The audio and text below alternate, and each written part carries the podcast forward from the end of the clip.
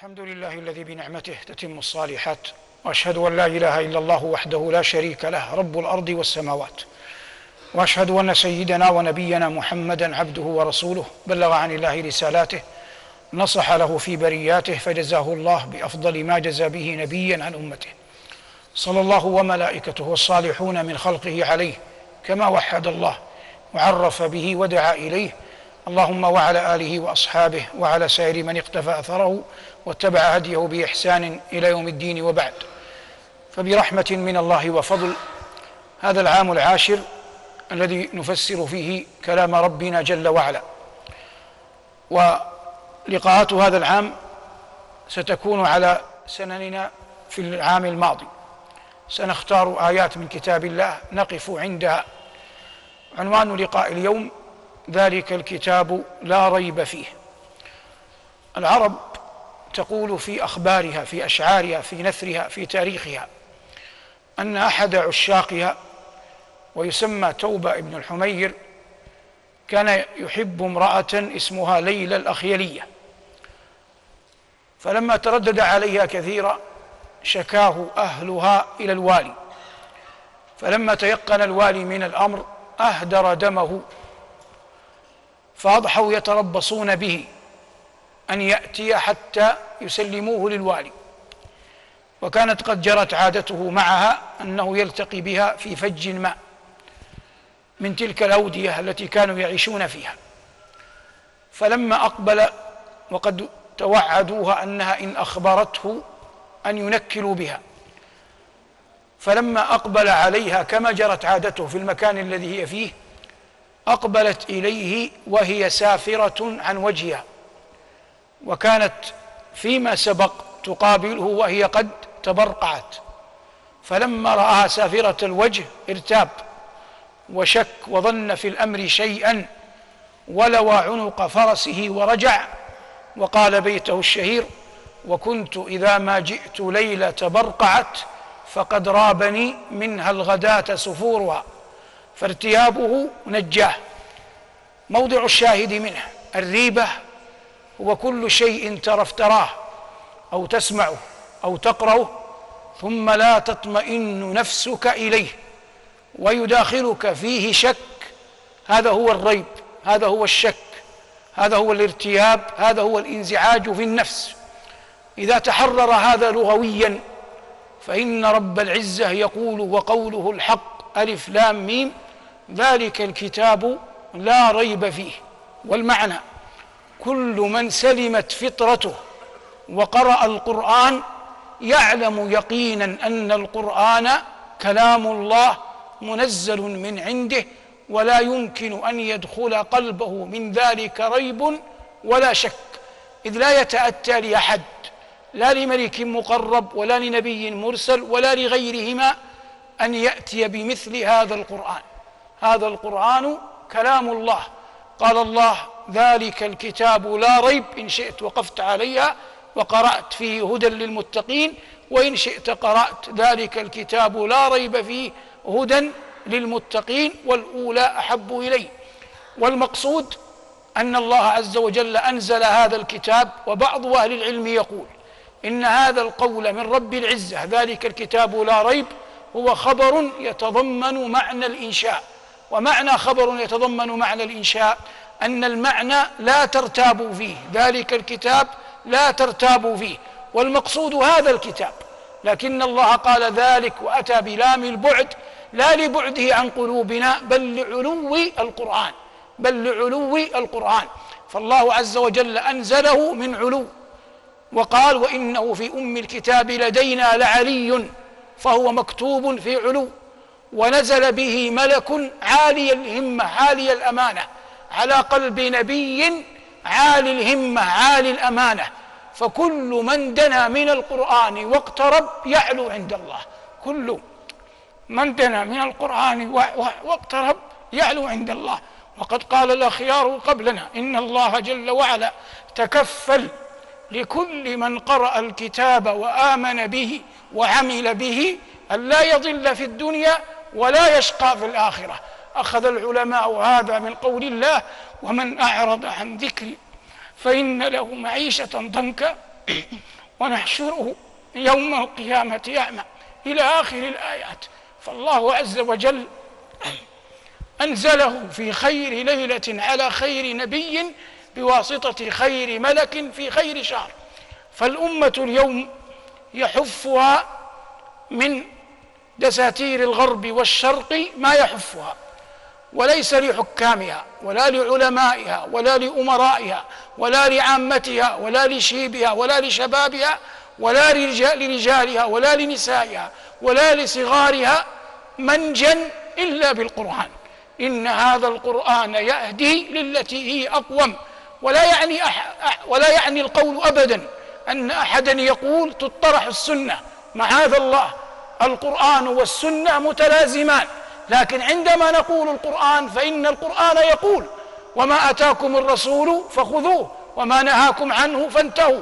فلما نتحدث عن القرآن نتحدث عن السنة عن حديث نبينا صلى الله عليه وسلم لزاما لأن الله أمرنا بذلك قل إن كنتم تحبون الله فاتبعوني يحببكم الله ويغفر لكم ذنوبكم. والمقصود بيان عظمة القرآن. ثم يأتي بعد ذلك أن القرآن ذكر حال الناس مع القرآن.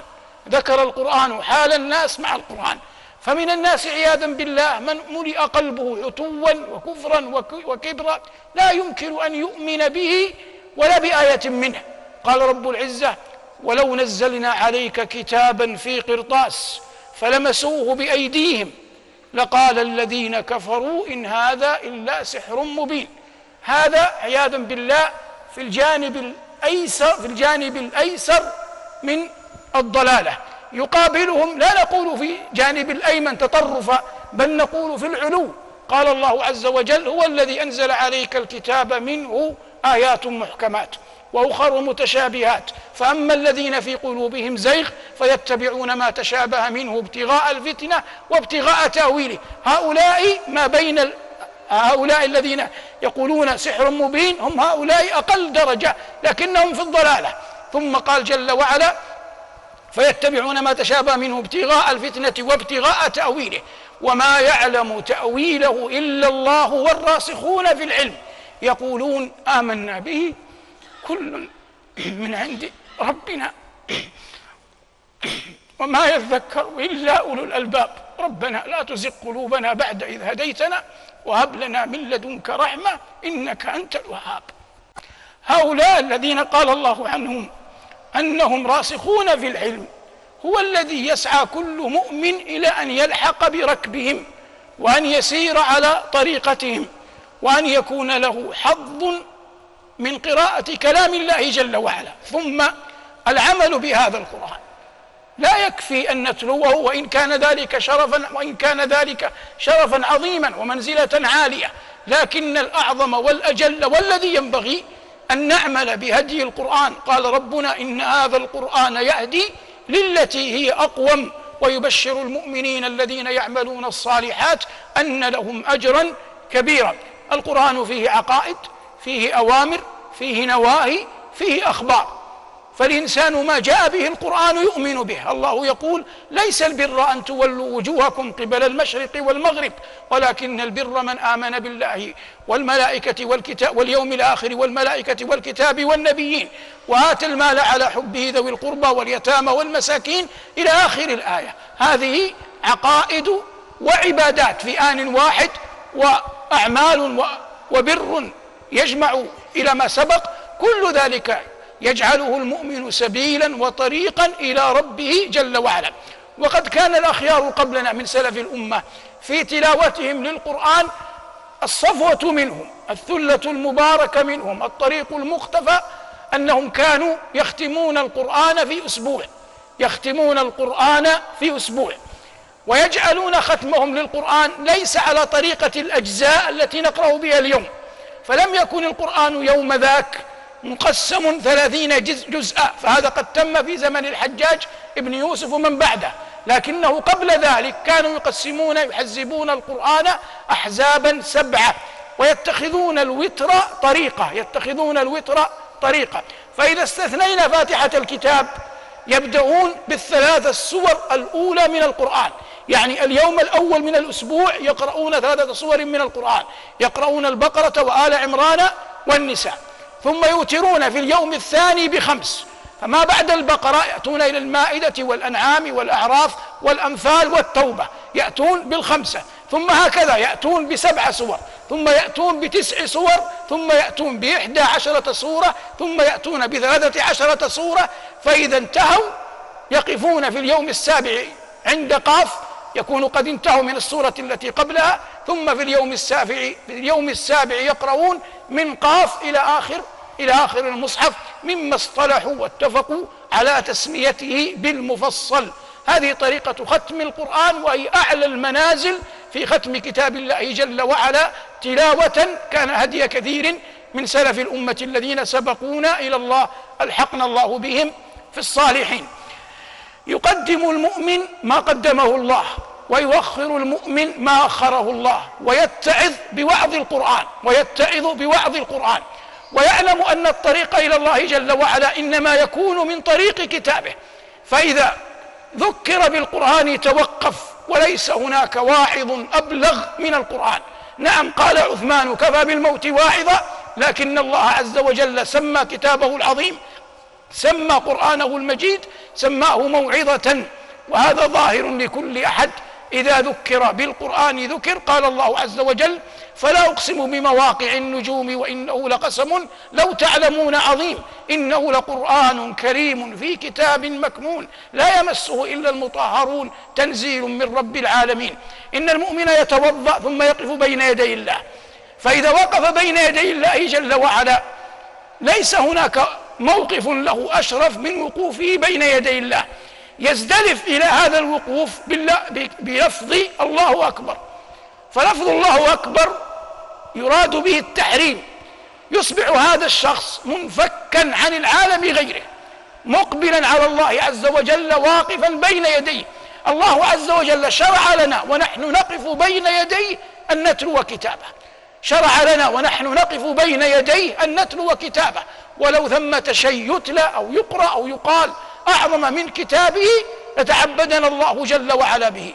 لكن الله قال وقوموا لله قانتين نقل عن ابن عمر رضي الله تعالى عنه وعن أبيه أنه كان يقول لا أعلم القنوت في الصلاة إلا طول القراءة لا أعلم القنوت في الصلاة إلا إلا طول القراءة. والمقصود حث الناس على تدبر القرآن وقراءته. ولئن عرف المسلمون قديما وحديثا أن رمضان شهر القرآن أخذوا ذلك من هدي رسولهم صلى الله عليه وسلم فإن جبريل ملك مقرب. ومع ذلك هو لا ينزل من السماء إلا بإذن من ربه. لكنه يتوخى رمضان دون غيره من الشهور فيدارس النبي صلى الله عليه وسلم فيه القرآن. فلما علم جبريل بوحي الله أن محمدا صلى الله عليه وسلم في العام العاشر من هجرته. ذلك آخر أعوامه. جاءه جبريل ولم يدارسه القرآن مرة بل دارسه القرآن مرتين مؤذنا له معلما إياه بدنو أجله.